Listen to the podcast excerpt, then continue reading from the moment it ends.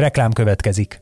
A podcast készítés élvezetes, de körülményes dolog. Nem csak mindenféle eszközökre, meg stúdióra van hozzá szükség, de elkötelezett emberekre is, akik előkészülnek, utána járnak, rögzítenek és vágnak. Ezen feltételek megteremtésében segítenek minket és kiadónkat, az egyik legnagyobb független hazai médiacéget a hirdetők is. Mint például a Vodafone Podcast Pioneers programja, amely támogatásával ez az adás is készült, és amely arra jött létre, hogy segítse a magyarországi podcastgyártást. Reklámot hallottak. Visszatértünk, üdvözlünk benneteket a Vezes Csapat Rádió 2022-es szezonjának első adásában. Baka Gáborral, Kovács Olivérrel és a magam a Fej Patrikkal. Sziasztok! Sziasztok! Sziasztok! Hát az elmúlt két és fél hónapban, mióta kikapcsoltuk a mikrofonokat, mi nem sokat változtunk, de a, a sportág, amiről az előttünk lévő időben, percekben beszélgetni fogunk, annál többet. Ö, igazából nem is tudom, hol is kezdjük el. Foglaljuk össze nagyjából, mi minden történt december közepe vége óta. Honnan is, honnan is kezdjük igazából? Hát, nem... hát igazán onnan érdemes kezdeni, hogy lecsillapodtak az FIA viszály körüli kedélyek, már amennyire beszéltünk lecsillapodásról, hiszen még néha-néha felemlegetik a tavalyi szezonzáró történt botrányt, de azóta új elnököt választottak a szövetség élére, új versenyigazgatók érkeztek, is, igen, kettő igen. is Michael Mázi helyére, és a Forma 1 pedig megérkezett egy újabb korszakba, mármint a hibrid érán belül, hiszen most elsősorban aerodinamikai jellegű változások történtek, de eléggé radikálisak. Egyébként itt, bocsánat, most egy pillanatra egyrészt kiegészítenének azzal, hogy, hogy kik is váltották a hát nem is tudom, levitézlet versenyigazgatót. Egyrészt Nils Wittig a, a DTM, a Német Autóbajnokság versenyigazgatója, másrészt pedig Eduardo Freitas a Akit hosszú távú világ... millió éve emlegettem, hogy ő kell a Forma 1-nek. Igen, a hosszú világbajnokságban rutint szerzett és köztiszteletnek örvendő versenyigazgatója fogja váltani egymást a, a Forma 1-es hétvégéken. Másrészt az val, való igaz, hogy valamennyire lecsillapodott a dolog, meg egy csomó változ, változást bejelentettek, többek között ezt, amit az előbb említettem, de azért még a pénteken, pénteken teszik majd közzé a, a Motorsport Világtanács ülése után a, a végleges következtetéseiket és a, a módosítási elképzeléseket, szóval még a hétvégén, ugye, ahol, amikor indul a Forma 1, várhatunk újabb meglepetéseket, vagy legalábbis újdonságokat. Egy pillanatra megszakítanak közben, itt el is indultak már a, a hozzászólások és a kérdések, és erre egyébként biztatom is a nézőinket, hallgatóinkat és a vezesről érkező olvasóinkat, hogy, hogy ö, nyugodtan tényleg írjanak, kommenteljenek, kérdezzenek, és, és ahogy módunkban áll, úgy válaszolunk is rá. Most még ezt a témát szerintem kicsit bővebben kifejtjük, de utána, utána jöhetnek tényleg a, a kérdések sorban. Rendben, akkor nem, nem tudom, szerintem melyikötök, kezdjük az autókkal, és melyikötök szeretné kezdeni, vagy, vagy hogy beszéljünk róla? Hát figyelj, én, én mondom, hát ugye az autóknál a nagy, hatalmas változás az aerodinamika, ahogy mondtad, ugye teljesen más elve épülnek a, az új ö, járgányok. Ö, előtérbe kerül a, a szívó hatás, amit utoljára hogy a 70-es évek végén, 80-as évek elején ö, láthattunk a, a szoknyás autókkal. A a szárnyak szerepe csökken, mi is jelentős marad persze, de csökken, és az autó alatti áramlások szívják a földhöz az autót, így tartva meg, vagy teremtve még a korábbiaknál is akár nagyobb kanyartempókat, amivel ugyan eredetileg az lett volna ezeknek a módosításoknak a célja, hogy lassítsák a Forma 1-et, és izgalmasabb versenyt hozzanak létre, de a szimulációk szerint már lehet, hogy utol is érte a, a mezőny azt a szintet, amit, amit már tavaly is hozott. Egyébként ö, szerintem a, kicsit a, a kevésbé műszakilag érdeklődőknek magyarázzuk el talán egy kicsit jobban, hogy mit is jelent ez a szívó hatás. Ez, ez azt jelenti tulajdonképpen, hogy az autó alatt átvezető, átvezetett levegővel próbálják a, igen, az aszfalthoz húzni az autót, azzal, hogy az autó padlólemezén kialakított csatornák fölgyorsítják a levegőt, és ezzel csökkentik a nyomást, azaz gyakorlatilag oda szívják az autót a, az aszfalthoz. Ennek egyébként van egy érdekes mellékhatása, egy kicsit később beszéljünk majd róla. Am, amit erről még talán érdemes tudni, hogy na, ahogy már említetted, a szárnyak jelentősége csökken, sőt, nagyon csökken a, a hátul, a, korábban a szárnyak által kibocsátott ilyen turbulens levegőnek a hatása is, ilyen három autónyi távolságból valami 35, kb. 35-40%-kal csökkentette a követő autó aerodinamikai hatékonyságát ez a, ez a megkavart levegő. Mostanra ez, ez ilyen 18-20%-ra csökkent, még közelebbről pedig még kisebbek ezek az arányok, azaz sokkal jobban lehet követni másokat. Egyébként régen, a 70-es, 80-as évek, sőt, igen, leginkább a 80-as évek elején láthatunk akár szárny nélküli, első szárny nélküli autókat is, olyan jelentős volt ez a szívóhatás. Vagy épp hátsó szárny idén, idén egyébként ez nem lesz jellemző, meg a, a jövőben sem, mert sokkal szigorúbb a, szabályok, szóval nem tűnnek el a szárnyak, de a jelentőségük jelentősen csökken. Habár ezen a ponton megjegyezném, hogy a Ferrari még decemberben első szár nélkül teljesítette a töréstesztet, és ennek az az oka, hogy bevetették az úgynevezett moduláris orkúpot, aminek az a lényege, hogy maga az orrész adott, viszont az első szárny, az első szárnylapokon majdnem, hogy kedvük szerint variálhatnak anélkül, hogy az autót újra homologizáltatni kellene, és újabb törésteszteknek kellene alávetni, ami azért is fontos, mert ezzel nem csak időt takarít meg a csapat, hanem, hanem pénzt is, ami egy olyan korszakban, amikor, amikor évi 140 millió dollár a, a, a költségvetés, a költségplafon jelentősége lehet. Igen. És ilyet még korábban nem láthatunk a Forma 1-ben, és számomra ez egy nagyon imponáló fejlesztés a ferrari hogy ezt így, ezt a lehetőséget így meglátták, és a, szabályokat a kereteken belül éltek is ezzel a lehetőséggel. Az előbb a YouTube-os nézőink láthatták is a Ferrari-t a Bahreini teszten is. Egyébként erre a képre, ami egy ilyen oldalról, oldalnézeti kép volt, Carlos sainz a volán mögött, eszembe jutott például ugye, hogy nem csak elől vannak érdekességek meg az autó alatt, hanem például az oldaldobozok is, hogy legalább négy alapjában különböző koncepciót láthatunk idén. Abszolút. Teljesen megújult szabályokkal. Ott van például a Merci, akiknek gyakorlatilag nincs oldaldobozuk. A Már Red Bull, nincs.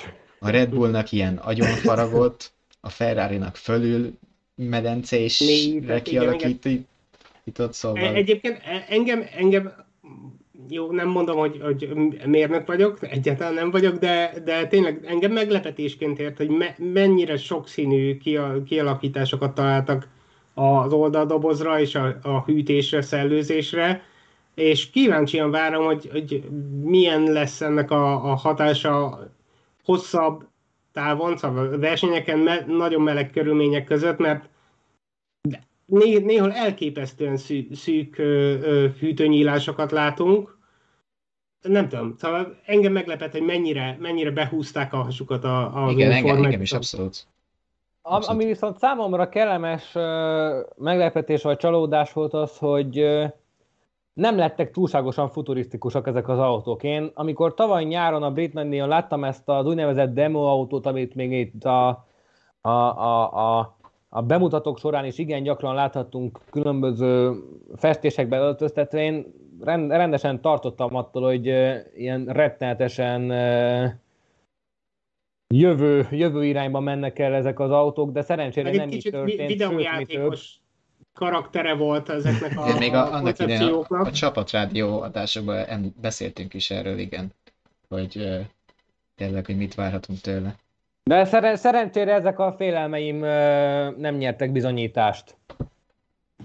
Nem. Sőt, sőt, sőt, kifejezetten jó, hogy uh, minden egyes csapat autójának kezd egy, egyfajta saját karaktere lenni. Tehát, ahogy például említetted imént a Ferrari uh, kombinált medencét a, az oldal kialakítás tetején.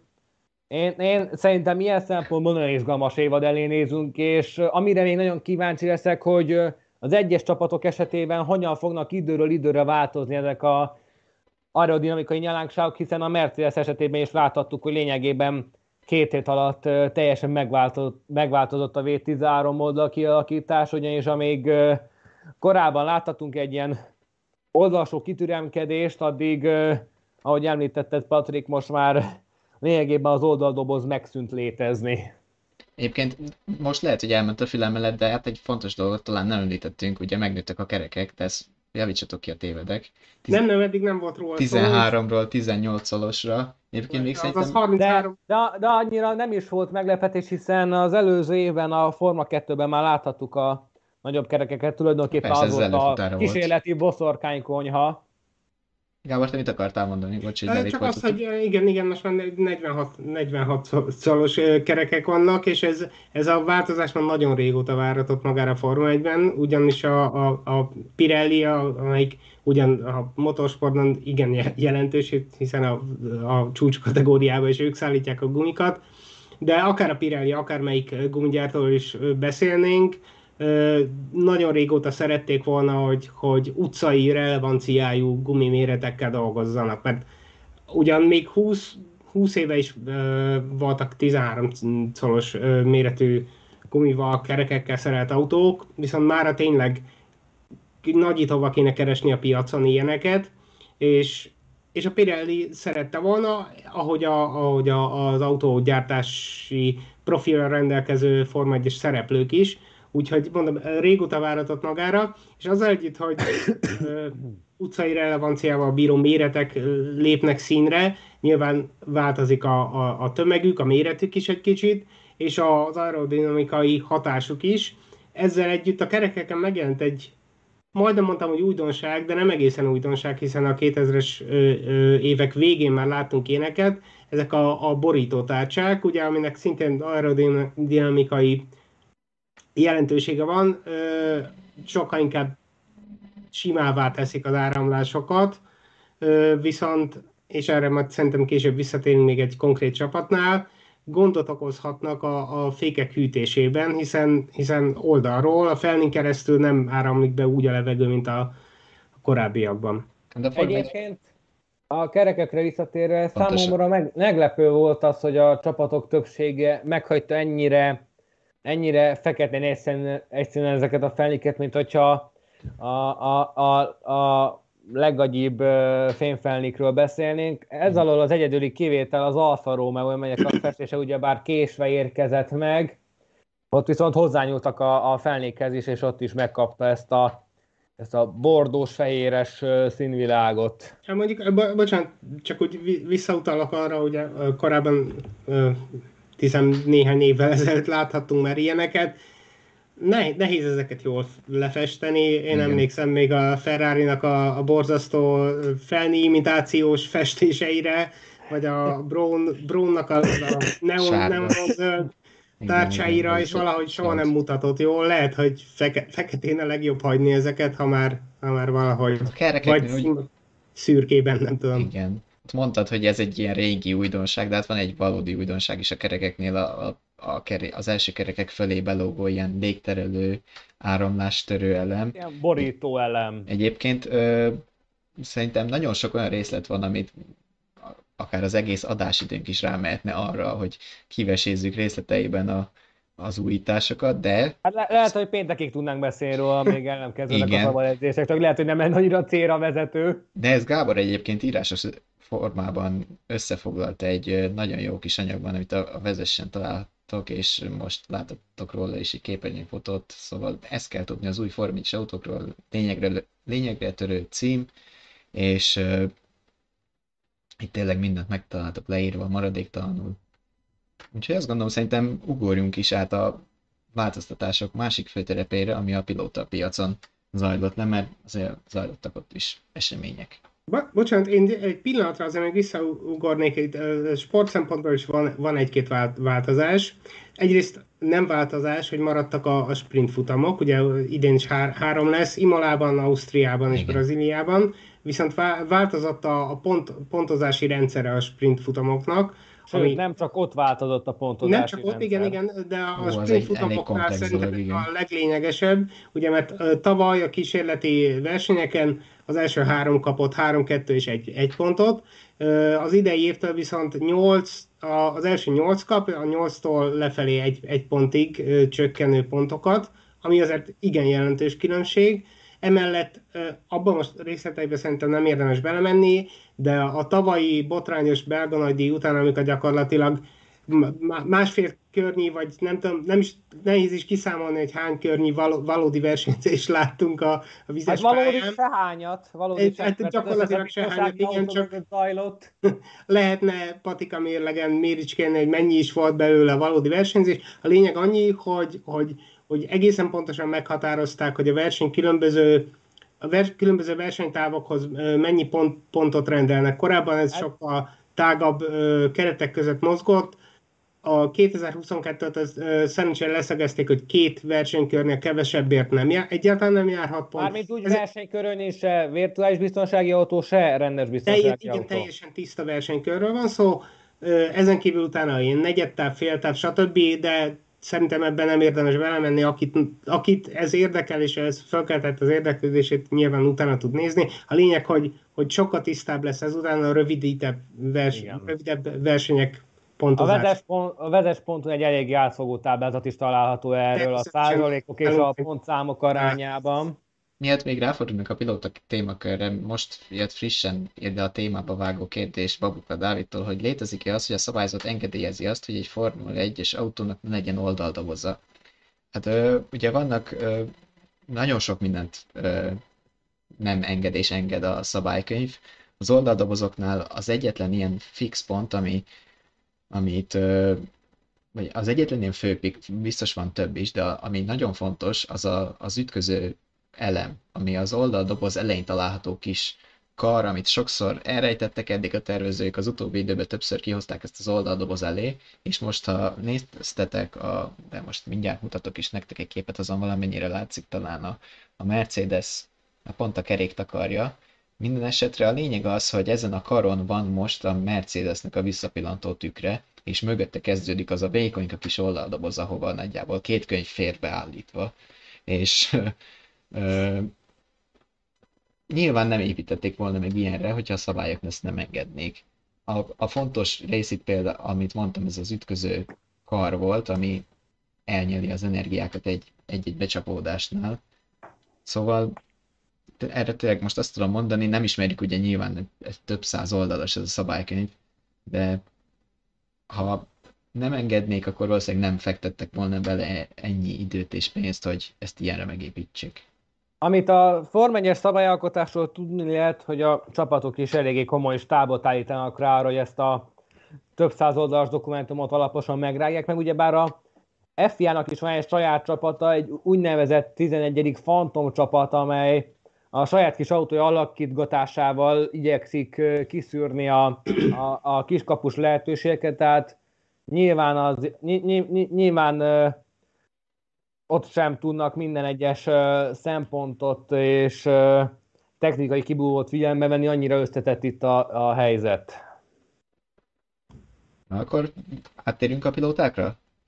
Térjünk át, már csak azért is, mert eléggé aktuális vonatkozásai is vannak, hiszen a háznál változott a felállás itt az orosz-ukrán konfliktus függvényében, ugyanis az amerikai stáló minden orosz kapcsolatát megszakította, így az uralkalinak sem volt maradása, és miután Nikita Mazepin közismerten fizetős pilóta volt, így az ő szerződését is azonnali hatája felbontották. Igazándiból nem annyira komplex a képlet, mint amilyennek tűnik. Itt abszolút egy, egy, egy pénzbeli függés volt, és miután most a, a, a, az oroszországi helyzet nem mutat túl fényesen a, a, a háború miatt, így a nemzetközi sportban is a lehető legtöbb helyen próbálják elvágni ezeket az orosz szálakat. Az FIA is eléggé szigorú előírásokat iktatott be az orosz pilóták és a fehér orosz pilóták részvételére vonatkozóan, bár közel sem annyira szigorúak az előírások, mint volt a paralimpia esetén, ahol a két nemzet sportolóit el is tiltották. Itt egyszerűen annyival meghatározva, hogy abszolút semleges lényegében FIA színekben indulhatnak, és akkor a, a ruházatukon és az autóikon semmilyen utalás nem lehet a, a származásukra. Az orosz és a fehér orosz sem játszhatják le. Közben én ezt igazából az FIA részéről inkább lát, lá, látszatintézkedéseknek nevezném. Ami komolyabb volt az az, az hogy a, A brit, igen, a, a, a brit nagy díjon már semmilyen rossz nem indulhatott volna, de nyilván a, a ház megoldotta. Ezen kívül ugye arra nem beszéltünk, hogy, hogy Mazepin helyére kikerült, a csapatot visszatért Kevin Magnussen, a korábbi versenyzőjük, aki nyilván ismer mindenkit, képben van, ugyan kimaradt neki egy kis idő, de hát egy év. Nagyon, nagyon érdekes lesz látni egyébként, hogy a, a, a különböző kategóriákban mindig a második évében magára találó Mick Schumacher mire lesz képes a, a ugyan egy évet kihagyó, de, de nagyon rutinos és a csapatot töviről hegyire ismerő Dán mellett. De szerintem ugorjunk, mert igazából ilyen mezőnyvégi... Amúgy azért lesz érdekes ez a Schumacher-Magnussen páros, mert mind a kettő pilóta annak hírében áll, hogy sokkal inkább versenypilóták, mint sem egykörös pilóták. Így sokkal érdekesebb lesz összehasonlítani, hogy valójában mit tud Mick Schumacher a, a Forma 1-es közegben, hiszen tavaly elég egyértelmű fölénye volt Mazepinnel szemben, de hát erre ha valami, akkor erre lehetett is előzetesen számítani valamilyen szinten. Szóval Én ez ebből a szempontból sokkal relevánsabb lesz. Fölfelé a mezőnyben egy kicsit, mert igen, igen. hosszú lenne, hogyha... Talán érdekesebbek a többiek ennél. Igen, De... igen, minden aspektusra kitérnénk. Nem tudom, Lépjünk, akkor lépjünk egy kicsit előre az Alfa Romeo-ra, akik között egyel előttük végeztek, ugye hadúi pilótapáros, teljes Valtteri Bottas és Zhou Guanyu, ugye a kínai az Alpine akadémiájáról érkezett a Forma 2 második helyéről. A, a nézők még Guanyu Zsuként is hallhatják a nevét. Igen, de, igen, de egyébként a hivatalos... Magyaros... Igen, magy- magyarul Zhou Guanyu, és egyébként elkezdték a Forma 1-es hivatalos átírásokba is ö, megfordítani. Megfordítani, szóval a Guanyu írás van hátrébb, és a ZHOU írás pedig el, szóval csak, hogy... És csak hogy miért Kelet-Ázsiában, és nálunk magyaroknál egészen kivételesen a nyugaton a családnév szerepel előrébb, és utána, utána a keresztnév. Gyakorlatilag mindenütt máshogy a világon pont fordítva van, de teljesen helyes a, a, a csút előre tenni, ahogy te is Fehér Patrik, vagyis te is Kovács Olivér, így uh, teljesen helyes. Ez csak azért mondom, mert a nézőket gyakran összezavarhatja, ahogy az is, hogy angolos átírással jelenik Másképp a neve. kell mondani, írni. Ah, ugye már a világ közvetítés a a világ összes angolt alkalmazza, igen. És ezért az angol felirata. De minden esetre szerintem ö, ö, a kínai egy kompetens pilóta, nem lehet azt mondani, hogy simán fizetős, bár ter- természetesen... Nyilván rengeteg lóvét hoz. Igen, világos, hogy a, a kína, kínai háttér borzasztó sokat számít, de, de lehet belőle bármi a forma egy benne. Őt nem, nem kéne csak azért leírni, mert pénzzel érkezett, de ezzel együtt azt gondolom, hogy Bottas hát nem, nem akarok csúnyát mondani, de ki, ki, ki csinálja idén, szóval Aha.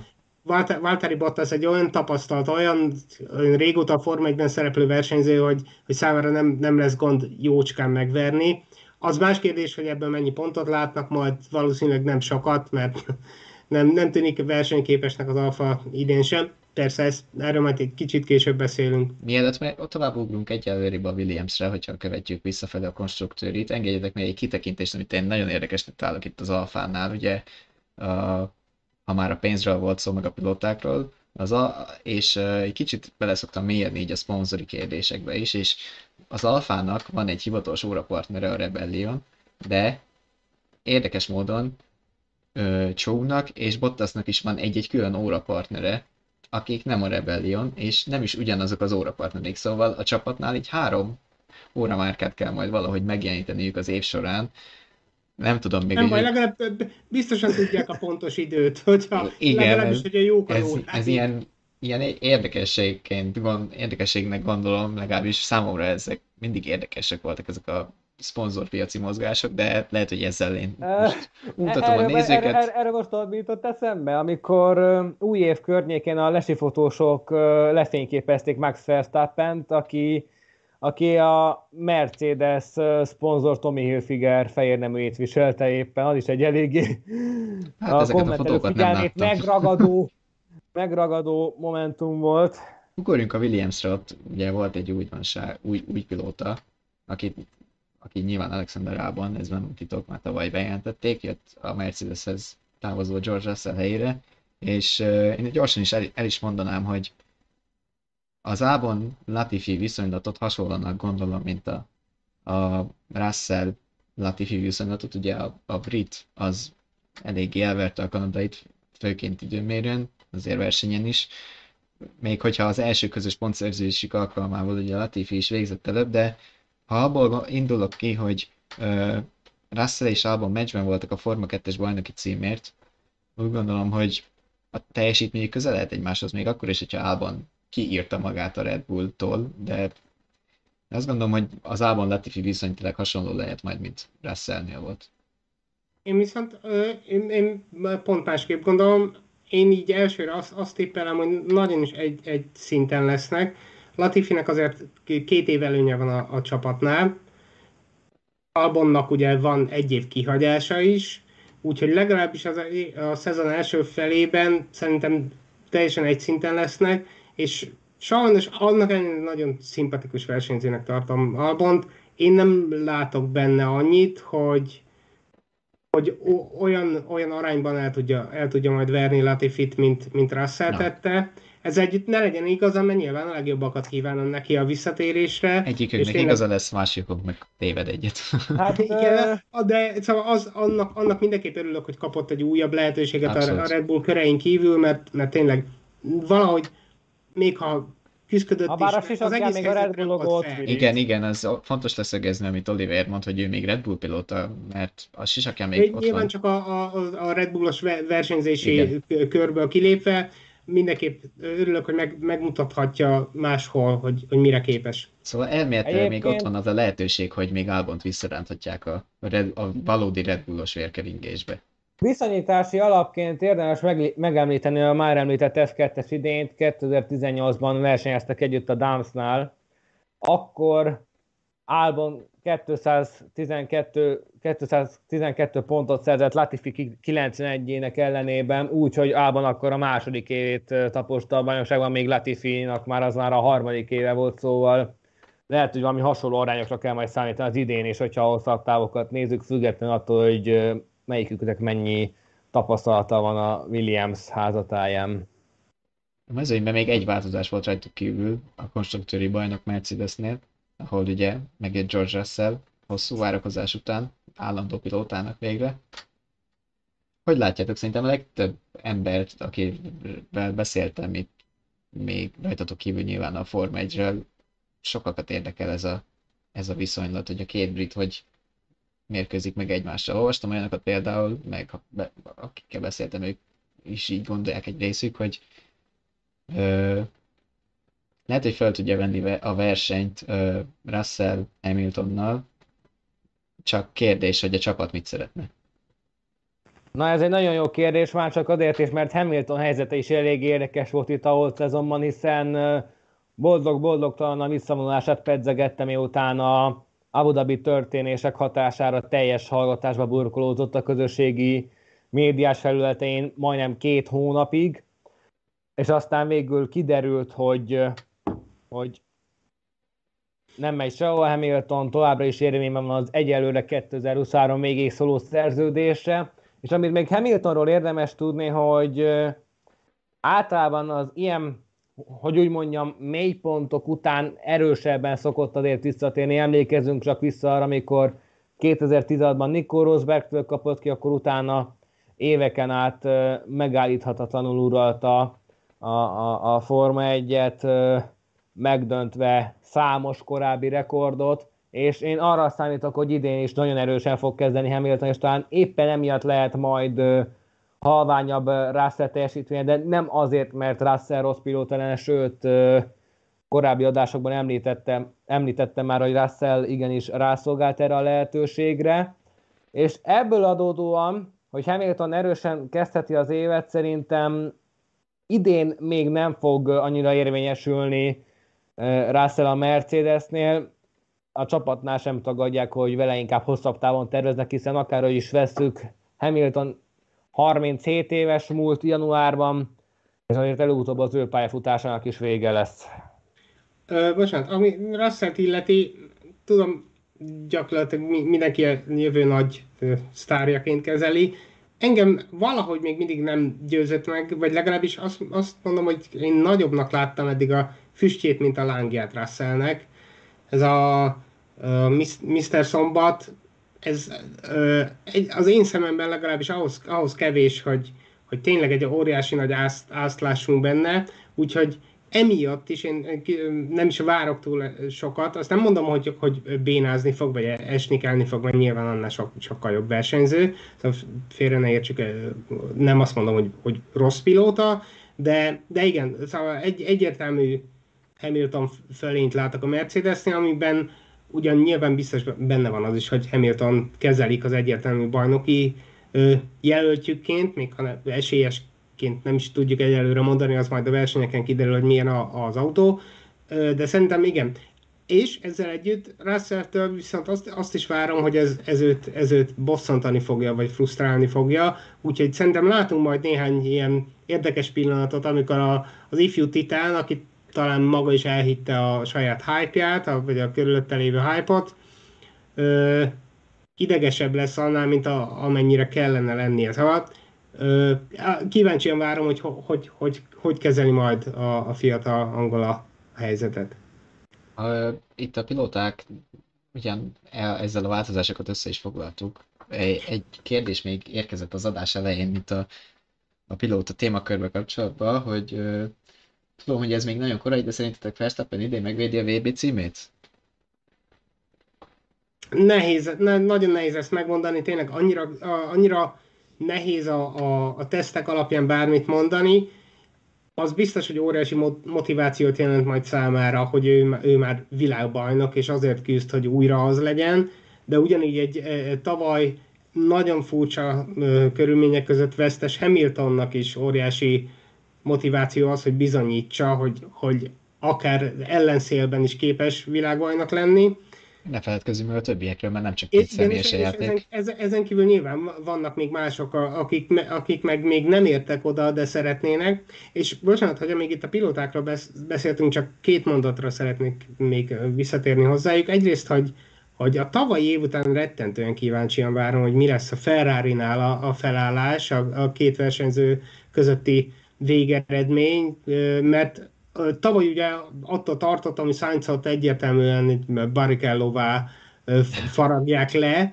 Ehhez képest a spanyol négy dobogót hozott Leclerc egy dobogójával szemben, és, és könnyen lehet, hogy akár a ferrari is azt gondolják, hogy ha ő ennyire, ennyivel kiszámítható, vagy nem is tudom, eredményesebb végső soron, mert nyilván sok minden múlik a körülményeken, akkor lehet, hogy ő az emberük. Szóval ez, ez nagyon érdekes, és az is, hogy, hogy Daniel Ricciardo mihez kezd magával McLaren? Mert ugye tavaly összeszedett egy futamgyőzelmet, de, de összességében azért küzdött az Ausztrál, és Norrisnak is, hogyha egy kicsit okosabbak a csapatnál, vagy a, vagy a pilóta, akkor neki is lehetett volna egy győzelme.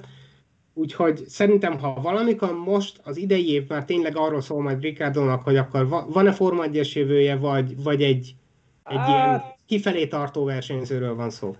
Ricardo esetében szerintem most az első futamokon gyengélkedni fog, már csak azért is, mert most a Bahrein teszten részre vehetett betegség miatt, így ebből adódóan nyilván komoly tapasztalat és adatvéli hátránya van az új autóval, és azért azt se felejtsük ki a számításokból, hogy a McLarennek sem sikerült olyan jól az elmúlt három nap, hiszen az első fékekkel rengeteg probléma adódott, így Norris a három nap alatt tudott összesen 199 kört megtenni, ami nagyjából a fele annak az értéknek, amit a Mercedes az Alfa Tauri össze tudott hozni például. Ergo ez fele annyi adatot is jelent. is át a, a teszt, tesztek elemzésre már, amennyire lehet. Igen, itt vagyunk a tesztek elemzésének kapujában, ami, amiről készültem egy kisebb összeállítással is, viszont előtte még biztatnám a, a nézőinket arra, hogy nyugodtan írjanak kérdéseket, hozzászólásokat, észrevételeket, bármit, ami, amit úgy éreznek. Egyébként már az adás előtti napokban is említettük ezt a lehetőséget nektek különböző felületeinken, hogy várjuk a kérdéseiteket, és... És van, aki élt is vele. És jött egy egészen Kovácsné, érdekes. Kovácsné Kata Elma kérdezte meg, hogy mi történik abban az esetben, hogyha a biztonsági autó defektet kap. ez ilyen kis kitekintés, de ez, ezen most itt az adás előtt is már elgondolkoztunk, hogy amúgy ö, mi is van ilyenkor, és hát alapvetően ugye nem csak egy biztonsági autó és egy orvosi autó van, ugye ez kapásból kettő autó, vagy Merci, vagy Aston Martin. Ugye az összesen, összesen négy autó van, két-két. Hanem, hanem összesen pár... négy van, mert kettő Igen. biztonság és kettő orvosi autó található. És elgondolkoztunk azon, de mi van, ha mind a négy defektet kap, mert, mert az, az aztán a ciki. És itt, itt ennek a valószínűsége körülbelül semmi. Igen, és itt gondolkoztunk el azon, hogy ugye régen volt egy ilyen szabály, hogy akkor a, a vagy régen biztos volt egy ilyen szabály, hogy akkor a, a Vezető futamon autó. élen álló pilóta veszi át a biztonsági autó szerepét, úgy Szerepét. De ugye bár most már ennek kiváltására ott van a virtuális biztonsági autó, amit néhány évvel ezelőtt vezettek be a 2014-es Suzuki tragikus történések ö, eredményeként. És ha már, szóba került a, ha már szóba került a biztonsági autó, visszacsatolják az adás korábbi részéről, és a részfelzen megjelent egy friss hír, miszerint pontosították a, a lekörözött autókra vonatkozó szabályt, amíg eddig, addig az szerepelt a, a, a, a, a szabályzatban, hogy any cars, most már úgy fogalmaz a szabály, hogy all. Tehát az, az azt jelenti, minden autót hogyha, a, hogyha megjelenik a, a, az üzenet, hogy a, visz, hogy a lekörözött autók előszhetnek, akkor minden lekörözött autónak el kell mennie a sor mellett.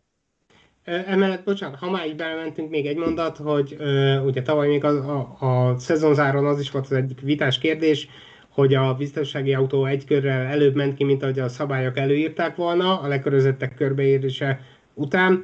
Az idei évtől már rögtön, amikor bejelentik, hogy kimehet, akkor ki is fog menni, nem kell a pluszkört várni, de szerintem térjünk át a tesztelemzésre, hát, mert hosszúra nyúlik az adás. Tesztelemzésem, ugye a, megmondom, hogy az adás végén szerintem ezt elárulhatjuk, hogy megpróbálunk egy, egy sorrendet felállítani, de mielőtt e, ezt ö, szentírásként vennétek, kedves nézők, meg ti is, Gábor és Oliver, összegyűjtöttem 2014-ből és 2017-ből a, a tesztek ö, ből leszűrhető adatokat, és aztán ugye a valós erős rendet. Azért ezt a két évet választottam, mert ugye 2014-ben jöttek a, a V6-os hibridek, amik a mai napig a, a Forma 1 mai napig erre épülnek a Form 1 erőforrása, és 2017-ben lettek jelentősen nagyobbak az autók, ekkor, ekkor jöttek a szélesebb hátsó szárnyak. Ö, egy ideig még cápauszony is volt. A cápauszony, szóval igen, a, a nagyobb autók, ugye 2018-ban ezekre jöttek a, a glóriák. Szóval ugorjunk 2014-re, amikor is a, a, az előszezoni teszt 12 napból áll. Elmondom, ugye most 6 napos az előszezoni teszt, szóval jelentős ö, csökkenés volt az évek során, ahol a, a harmadik ö, négy napos etapot Bahreinot tartották, és ott Felipe Massa volt a leggyorsabb a Williams-szel egy 1.33-258-as köridővel. Ö, ennél most Max Verstappen, aki a leggyorsabb Bahreini kört futott, másfél másodperccel volt gyorsabb. Ez nem olyan nagy különbség, de közben gyorsultak, aztán lassították az autókat, szóval ebből még nem érdemes kiindulni a, az évet. Egyébként meg... már csak azért sem érdemes ebből kiindulni, mert Verstappen a leggyorsabb gumikon autózta ezt egy 1.33 es időt, és ezzel szemben Mick Schumacher 1.32-2-es kört futott az egyel keményebb C4-es abroncsokon, szóval ilyen szempontból szerintem irrelevánsak ezek a számadatok. Még van bővebb része is az elemzésnek, szóval folytatom. Az évet megnyerő Lewis Hamilton a Mercedes-szel, kettő századdal volt csak lassabb Massa Williams-es körénél. További idők kett, az év a, a tesztről Alonso kereken egy másodperccel volt lassabb Hamiltonnál, ugye Ferrari lassabb is volt jóval a Mercedesnél. Az év Nem második is er... abban az évben. Az év második erejének tekinthető Red Bull pedig Daniel Ricciardoval még másfél másodpercet kapott Alonso-tól is, szóval ez, ez köridők szempontjából teljesen kijelenthető, hogy irreleváns volt a Bahreini tesztek eredménye. Megtett táv már sokkal közelebb volt a valósághoz. A Mercedes a tizen, itt a 12 napnyi etap össz megtett távját néztem. A Mercedes volt a, a legszorgosabb, majdnem 5000 kilométerrel, 4972-vel, a második erőnek tekinthető Red Bull csak 1705 kilométert tett meg 2014-ben télen, ami hát kicsit több, mint a harmada csak. Mondjuk a Renault alaposan mellélőtt a V6-os motorokkal, Igen, a, a, Williams emlékezhetnek. Az, a Williams az hasonlóan sokat ment a, a Mercedeshez, a Ferrari hozta a hagyományosan sokat megyünk stratégiáját, de 500-al így is elmaradt a, a Mercedes-től. Ők lettek ugye a negyedik erő a közében. És a valós sorrend az a Mercedes, Red Bull, Williams, Ferrari, McLaren volt. Ugrok 2017-re, ahol minden teszt Barcelonában volt, itt már csak 8 nap állt a csapatok rendelkezésére, a leggyorsabbak a ferrari voltak, egy 18-6-tal és egy 19-0-val. Ezek az idők a mostani barcelonai időknél fél másodperccel gyorsabbak voltak, bocsánat, igen, de így mondtam, fél másodperccel gyorsabbak voltak, mint, mint most, amit Hamilton futott Barcelonába, bár tegyük hozzá, hogy nyilván az az autó nem ugyanaz volt, mint amit Bakrénybe futott, illetve a idő leforgás alatt változott a pálya is, a, a hátsó egyenesből a kivezető balos a, az átépítés után megnyújtotta a pályát és hosszabb lett. Itt a ferrari a mercedes követték egyébként egy 6-7 tizedes lemaradással. A Red Bullok 8, illetve a más, most Verstappen idejét látom, hogy 8 tizeddel volt lemaradva, Ricardo legjobb köre 1,2 másodperccel volt lassabb. Össztávot tekintve a Mercedes megint az élen végzett 5100 km-rel, a Ferrari második 4400-zal, a Red Bull 3100-zal, ami megint egy jelentősebb lemaradás az energiaitolosoknál egyébként, és ezzel csak a mezőny hetedik helyén végeztek össztávot tekintve, ehhez képest az összkép az úgy szólt, hogy Mercedes, Ferrari, Red Bull, mármint az erős sorrendet illetően.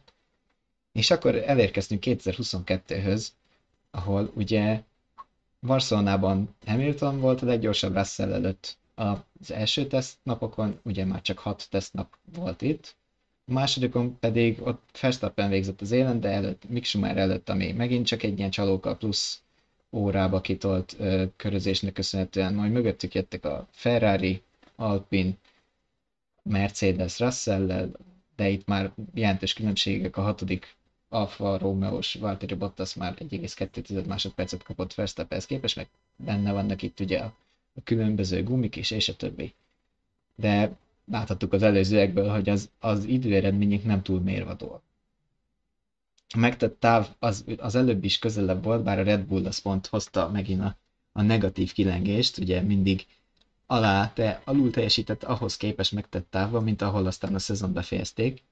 Ö, idén a megtett távban a Ferrari volt a, a legjobb, de csak 30, nem is egészen 30 kilométerrel mentek többet, mint a Mercedes, szóval ez gyakorlatilag egálnak is tekinthető. Mögöttük egyébként a gyötrelmes Bahreini tesztelés ellenére is a McLaren végzett 3500 kilométerrel, az Alfa Tauri lett a negyedik 3400-zal, és 3399-el, tehát 40 kilométerre maradt az Alfa Tauri-tól a Red Bull. És az élen áll a Ferrari-tól, hogy kerek legyen a kép, 540-nel. Így állunk a tesztek után, nem tudom mennyire volt ez egyébként követhető nektek például, meg mondjuk a, a nézőknek? Hát hamarosan kiderül. Egyébként nyilván ugye az a nagy kérdés, hogy ebből akkor milyen következtetés vonhatunk le. Egyrészt az előzőekből az következik, hogy nem, nem sokat, vagy legalábbis biztosat nem lehet mondani ezek után. Ö, ami, ami feltűnő lehet elsőre, hogy a Mercedes azért nem remekelt címvédőként, de ugye ahogy korábban is láttuk, tav- tavaly sem ment nekik olyan szuperül a, a tesztelés, aztán mégiscsak, mégiscsak ott voltak az élen, szóval soha ne írjuk le a Mercedes-t, amióta, amióta ez a hibrid korszak elindult, a Mercedes a, a, me, a megverni való Igen, csapat. Igen, akiket le kell győzni. Emellett a Red Bull számára biztató volt szerintem ez a, ez a, a szezon előtti tesztelés. Nem volt különösebb problémájuk, jó, jól mentek, gyors is volt az autó, úgyhogy nyilván... Azt nézzük magukhoz képest, és a többiekhez képest többet mentek, mint a két említett évben. Úgyhogy nekik mindenképp biztató, de, de nyilván náluk is bármi előjöhet. A Ferrari pedig ugye szokott biztató. villanni mindig a teszteken, most sokan emlegetik őket a, a, a 2022-es idén egyik fa, favoritjaként, de azért szerintem igen, hát eléggé szó szerint. a logójukban is. A Egyébként de... szerintem a Ferrari-tól várható egyfajta előrelépés, mert most ott sem lehetett különösebb problémát tetten érni. Eléggé stabilan hozták a köröket, az autó nyilván, is nyilván, elég innovatívnak tűnik.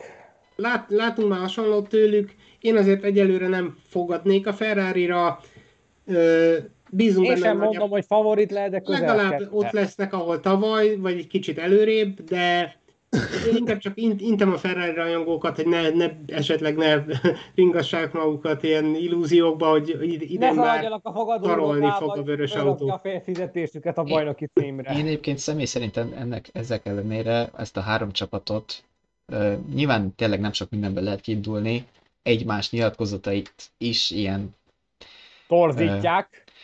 Mm, óvatossággal kell meghallgatni, de minden alapján én valahogy úgy egybevenném a, a Red Bullt, a Mercedes-t és a Ferrari-t, azon, mint azon nem csapatokat... Nem említettem együtt őket, én is igen, igen, igen azért. Mint azon csapatokat, akik, ö, akik az élmezőnyt uralhatják, és sorrendet nem fogok köztük állítani, mert, mert nem, nem tudok, de értelmetlen. De azt gondolom, hogy a, a hat pilótájukból, hogyha most tényleg mindenkit beleveszünk, Russell Perezt, meg akiket mondjuk talán kicsit leírnánk, én szerintem a hat pilótájuk közül fog kikerülni az idei világbajnok.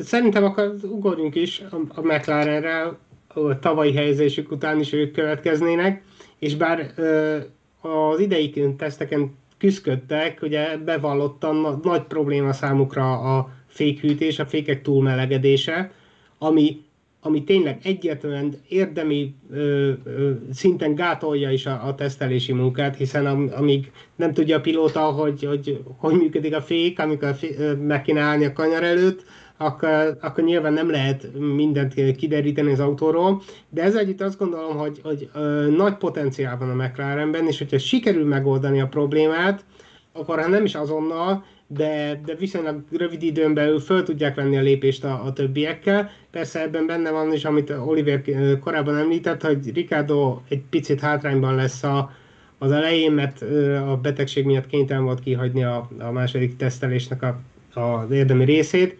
De azt ne felejtsük, hogy az első teszten viszont sokat mentek, és összességében még mindig ők voltak a harmadik legtöbbet megtett csapat. Igen, ezért ez nyilvánvaló a potenciáljuk, és hogyha sikerül megoldani ezt az egyébként komoly problémát, akkor, akkor odaérhetnek ők is.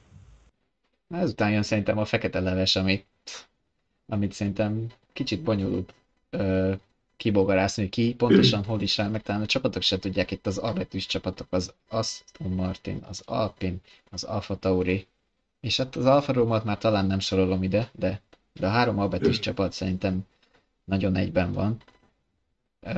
Voltak itt is problémák, amik előfordultak, és most éppen ma olvastam egyébként, hogy a, az egyik albetűs közülük az Alpin állítólag megoldotta a delfinezés problémát, amiről eddig még csak hát így említésszerűen beszéltünk, Ugye Kapargattuk az, a delfinuszonyát. Az elején mutogattam itt a kezemmel, a, a, miközben Gábor magyarázta, hogy a, az autót, a, az autó alatt futó légáramlatok a földhöz szívják. De amikor a földhöz közelít az autó, akkor elfogy a levegő számára is a hely, és ezért a, a légáramlat egyszerűen megszűnik, mert, mert nincs. Gyakorlatilag a leszorító erő pontosan eltűnik, Igen. és ettől meg, megugrik az autó. És ugye újra megugrik, de a folyamat újraindul, és ez ez, ez változik. Ez egyébként az a, a, főleg az első teszten, azóta voltak, akik már valamennyire kezelni tudták, de az első teszten mindenkit meglepett ez a dolog, mert a, a szimulációkban nem, nem jött elő ez a probléma. Egyébként nyilván erre a legegyszerűbb megoldás a hasmagasság növelése, ami, ami ugye nem engedő, hogy olyan mélyre szívódjon az autó, ez viszont a tempó csökkenésével jár ez lehet a megoldás, vagy pontosabban, még pontosabban az, hogy megtalálják a csapatok a, az ideális hasmagasságot, amikor nem, nem lesz drasztikus a delfinezés, de, de működik a, a, a jó tempót lehet autózni. Ez együtt ö, az is megoldás lehet, hogy eleve lesznek, talán lesznek olyan csapatok, amelyek azt gondolják, hogy oké, okay, rendben, akkor egy kicsit maga, magasabb hasmagassággal megyünk, és eleve nem a, az időmérős vagy egyenesbeli tempóra hangoljuk az autót, hanem a kanyarsebességre, mert ugye az idei autók elvileg jobban képesek követni egymást, azaz lesz, lehet, hogy lesz olyan, amelyik a csapat azt mondja, hogy oké, okay, az időmérőt egy kicsit veszni hagyjuk, vagy legalábbis gyöngébb ö, eredményre, pályázunk ott, viszont a futamon próbálunk majd előzni. Nyilván minden egyes csapatnál más és más lesz, meg, meg a delfinezésbe egyébként beleszámít a, a hőmérséklet, a, a szél is, meg a pálya, meg a pálya meg a, Nyilván a pálya, a, a gumik állapot, az nagyon sok, vannak sok, sok rétű probléma ez, de, de egyébként valószínűleg mindenki megoldja. A Mercedes volt a leglátványosabb talán ez a, ez a dolog itt a, a tesztek során, de, de ha valaki, akkor meg nyilván a Mercedes. Mercedesnél van, vannak, akik leginkább képesek lesznek ezt kezelni. Szóval vissza az albetűsekre, ott én megmondom, nem is állítanék sorrendet, mert tényleg ugyanolyan vegyes a mezőnytál, mint tavaly volt.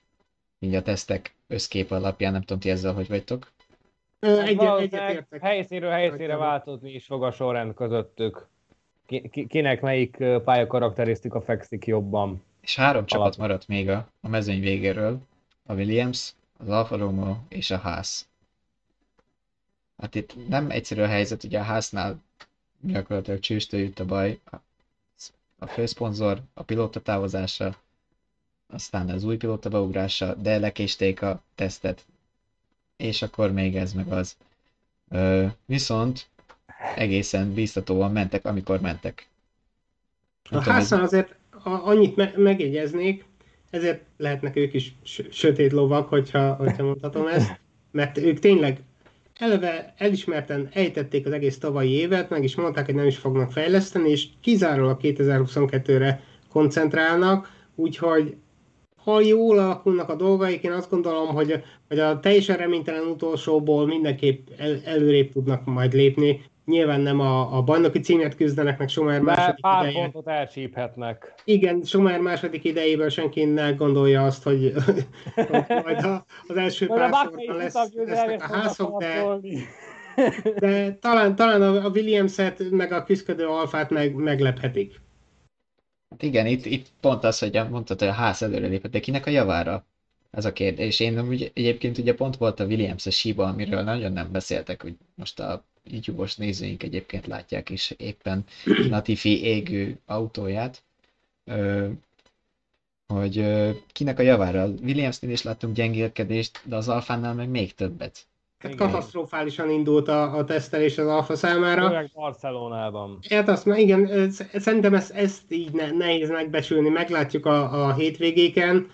És egyébként annak örülhetünk, hogy a, a, a, a szezon Bahreinben kezdődik, ahol a, a teszteket is láttuk, sokkal tisztább képet kapunk így, mint hogyha most Ausztráliába utaznának, ami egy eléggé sajátos pálya, és nem is tesztpálya. Most többet, el, elég sok mindenki fog derülni. Elég jó referenciát fog adni. A hétvégén is, igen, igen. És nem is kell szerencsére sokat várni mert már pénteken kezdődik. Egyébként ez is egy változás az idei szezonban, amiről nem beszéltünk, hogy átvariálták a hétvégék menetrendjét is, és így a pilóták ezzel gyakorlatilag kaptak 20, hát ilyen állás szerint még csak 22, de hogyha feltöltik az orosz nagydíj helyét, és akkor 23 szabad napot, ugyanis a, a csütörtöki sajtónap az úgy, ahogy van, megszűnt, és péntek délelőtt ö, van a lehetőség az interjúkra és a kérdésekre, a média. Bár teszem hozzá, hogy ez pont a formainak az egyik érdemi problémája nem segít sokat, mert attól függetlenül a háttérstábnak még ugyanúgy ott kell lennie időben, hogy föl emelje a létesítményeket és az autókat felkészítse a pénteki szabad edzésre, szóval ez megint egy ilyen klasszikus látszatintézkedés volt, hogy Gábor szavaival éljek. De hát ez van. Minden esetre péntek délután lesznek a, a, a szabad edzések csak akkor indul az érdemi munka, és, és utána nyilván, a, a, amit már megszokhattunk. Említetted ugye itt a 23 vagy 22 versenyhétvégét, aki esetleg nem értesült róla, annak azért mondjuk el, hogy az orosz nagydíjat az érthető okokból először ideiglenesen bizonytalanná tették, majd végleg kiejtették, Úgyhogy a, a következő évek igen, is, amikor már Szentpéterváron érkezik, és hogy, hogy mi kerül a helyére, egyelőre szerintem a logisztika, a csapatok egyeztetik. Szepánk, szepánk. Igen, és hogyha keletre mennének, akkor nyilván Malajzia és Szepang egy, egy magától értetődő választás, de Törökország is jó beugró volt az elmúlt években, és Portugália is képben van, de akármi is lehet még. És, ö, bocsánat, még egy újdonság, ha már a naptárnál tartunk, azért ö, bekerül a naptárba végre hosszú évek húzavonái, ígéretei, helyi ellenkezése után Miami, úgyhogy az USA-ban idei... Igen, már rögtön itt tavasszal, úgyhogy az USA-ban idei évtől újra két Forma 1 verseny lesz. És Olaszországban is állandóan két Forma 1 verseny lesz Igen, még egy pár évig. Imola-nak köszönhetően, akik megkapták állandó helyszínnek az Emilia Romagna díjat. egyelőre Sőt, azt is nagyon korán láthatjuk majd, hogy hogyan alakították át a Gidai utcai pályát, ahol tavaly az elég esőskelős verseny hát, volt. Minden volt ott. Hogy, azt is két hét múlva már látjuk is, hogy Szaúd-Arábiában milyen a, a régi új pálya.